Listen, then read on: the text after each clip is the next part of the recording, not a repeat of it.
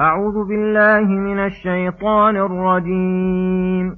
قل لا أجد فيما أوحي إلي محرما على طاعم يطعمه إلا أن يكون ميتة أو دما مسفوحا.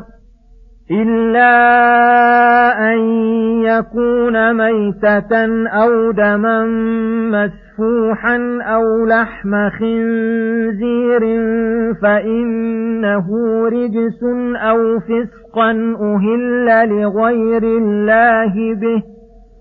فمن اضطر غير باغ ولا عاد فإن ربك غفور رحيم.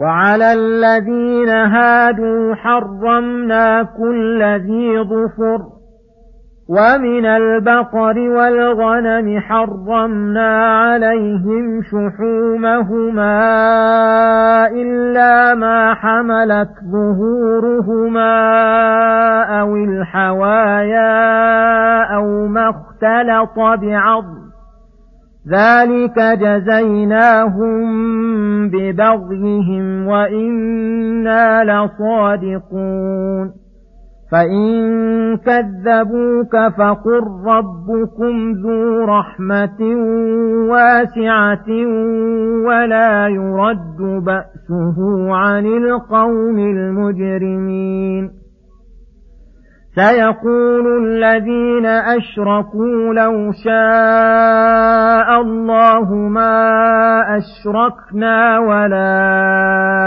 آباؤنا ولا حرمنا من شيء. كذلك كذب الذين من قبلهم حتى ذاقوا بأسنا. قل هل عندكم من علم فتخرجوه لنا إن تتبعون إلا الظن وإن أنتم إلا تخرصون قل فلله الحجة البالغة فلو شاء لهداكم أجمعين بسم الله الرحمن الرحيم. السلام عليكم ورحمة الله وبركاته. يقول الله سبحانه قل لا أجد فيما أوحي إلي محرما على طاعم يطعمه إلا أن يكون ميتا أو دما مسفوحا أو لحم خنزير فإنه رجس أو فسقا أهل لغير الله به. الآيات. لما ذكر تعالى ذم المشركين على ما حرم من الحلال ونسبوه إلى الله وأبطل قولهم أمر تعالى رسوله أن يبين للناس ما حرمه الله عليهم ليعلموا أن ما عدا ذلك حلال. من نسب تحريمه إلى الله فهو كاذب مبطل لأن التحريم لا يكون إلا من عند الله. على لسان رسوله فقد قال رسوله قل لا أجد فيما أوحي إلي محرما على طاعم يطعمه. أي محرما أكله بقطع النظر عن تحريم انتفاع بغير الأكل وعدمه إلا أن يكون ميتة. والميتة ما مات بغير زكاة شرعية. فإن ذلك لا يحل كما قال تعالى حرمت عليكم ميتة والدم ولحم خنزير. أو دم مسفوحا هو الدم الذي يخرج من الذبيحة عند زكاتها فإنه الدم الذي يضر احتباسه في البدن. فإذا خرج من البدن زال الضرر بأكل اللحم. مفهوم هذا اللفظ؟ أن الدم الذي يبقى في العروق يبقى في اللحم العروق بعد الذبح أنه حلال طاهر. أو لحم خنزير فإنه رجس. أي فإن هذه الأشياء الثلاثة رجس أي خبث أي خبث نجس مضر. حرمه الله بكم ونزاهة لكم عن مقاربة الخبائث أو إلا أن تكون الذبيحة مذبوحة لغير الله من الأوثان والآلهة. التي يعبدها مشركون فإن هذا من الفسق الذي هو الخروج عن طاعة الله إلى معصيته.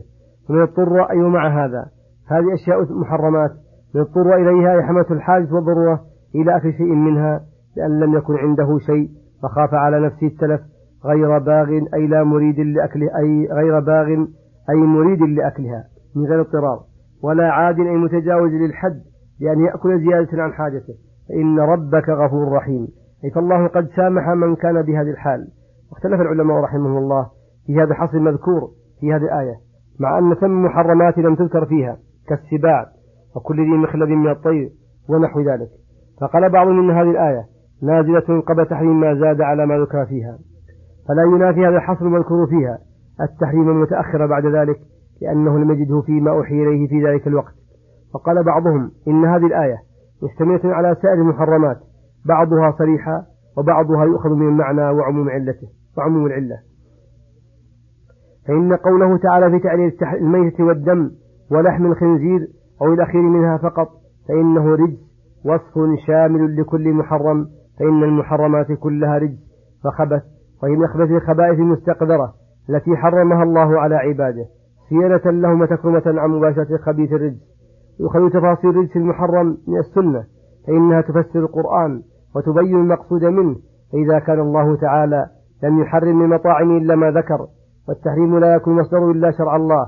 دل ذلك على المشركين الذين حرموا ما رزقهم الله مفترون على الله متقولون عليه ما لم يقل. وفي الآية احتمال قوي لولا أن الله ذكر فيها الخنزير وهو أن السياق في نقض أقوال المشركين متقدمة.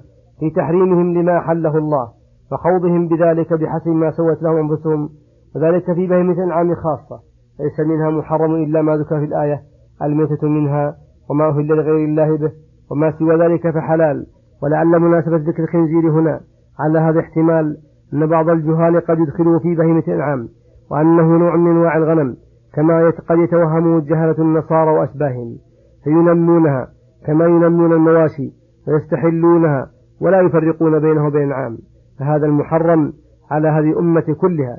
من باب التنزيه لهم والصيانة وأما ما حرم على الكتاب فبعضه طيب ولكنه حرم عليهم عقوبة لهم. ولهذا قال وعلى الذين هادوا حرمنا كل ذي ظهر وذلك كالإبل وما أشبهها. ومن البقر والغنم حرمنا عليهم بعض أجزائها وهو شحومه شحومهما.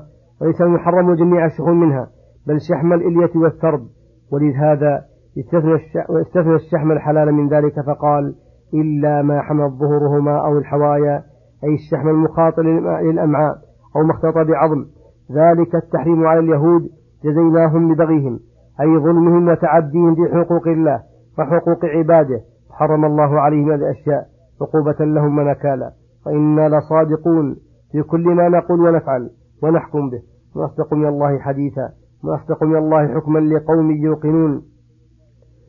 ثم يقول سبحانه فإن كذبوك فقل ربكم ذو رحمة واسعة ولا يرد بأسه عن القوم المجرمين.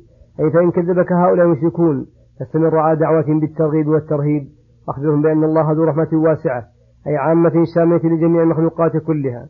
فسارعوا إلى رحمته بأسبابها التي رأسها وأساسها ومادتها تصديق محمد صلى الله عليه وسلم فيما جاء به. ولا يرد بأسه عن القوم الجنين الذين كثر إجرامهم وذنوبهم. فاحذروا الجرائم الموصلة لبأس الله التي أعظمها ورأسها تكذيب محمد صلى الله عليه وسلم. ثم يقول سبحانه سيقول لي أشركوا لو شاء الله ما أشركنا ولا آباؤنا ولا حرمنا من شيء. الآيات. هذا إخبار من الله أن المشركين سيحتجون على شركهم وتحريمهم ما حل الله بقضاء القدر ويجعلون مشيئة الله الشاملة لكل شيء من الخير والشر حجة لهم في دفع اللوم عنهم. وقد قالوا ما أخبر الله أنهم سيقولونه كما قال في أخرى وقال لي أشركوا لو شاء الله ما عبدنا من دونه من شيء. أخبر تعالى أن هذه حجة لم تزل الأمم المكذبة تدفع بها عنهم دعوة الرسل ويحتجون بها فلم تجد فيهم شيئا ولم تنفعهم فلم يزل هذا دأبهم حتى أهلكهم الله وأذاقهم بأسه. فلو كانت حجة صحيحة لدفعت عنهم العقاب ولما حل الله بهم العذاب لأنه لا يحل بأسه إلا ب... لأنه لا يحل بأسه إلا بما استحقه. لأنه لا يحل بأسه إلا بما استحقه فعلم أنها حجة فاسدة وشبهة كاسدة من عدة أوجه. منها ما ذكر الله من أنها لو كانت صحيحة لم تحل بهم عقوبة. منها أن الحجة لا بد أن تكون حجة مستندة إلى العلم والبرهان. فأما إذا كانت مستندة إلى مجرد الظن والخرص الذي لا يظن من الحق شيئا فإنها باطلة.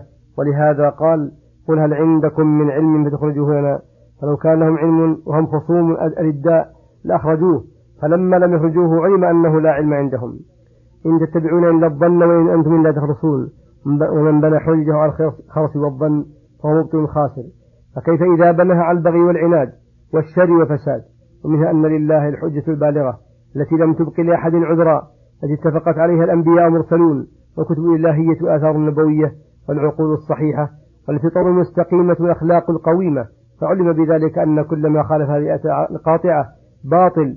لأن نقيض الحق لا يكون إلا باطلا منها أن الله تعالى أعطى كل مخلوق قدرة وإرادة يتمكن بها من فعل ما كلف به فما أوجب الله على أحد ما لا يقدر على فعله ولا حرم على أحد ما لا يتمكن من تركه احتجج بعد هذا بقضاء القدر ظلم محض وعناد صرف ومنها أن الله تعالى لم يجبر العباد على أفعالهم بل جعل أفعالهم تبعا لاختيارهم فإن شاءوا فعلوا وإن شاءوا كفوا وهذا أمر مشاهد لم ينكره إلا من كابر وأنكر المحسوسات.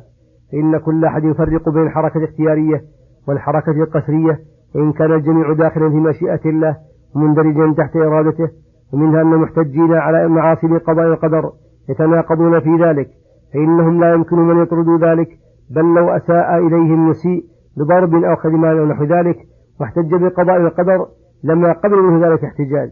ولغضب من ذلك أشد غضب فيا عجبا كيف يحتجون به على معاصي الله ومساخطه ولا يرضون من أحد أن يحتج به في مقابلة مساخطهم.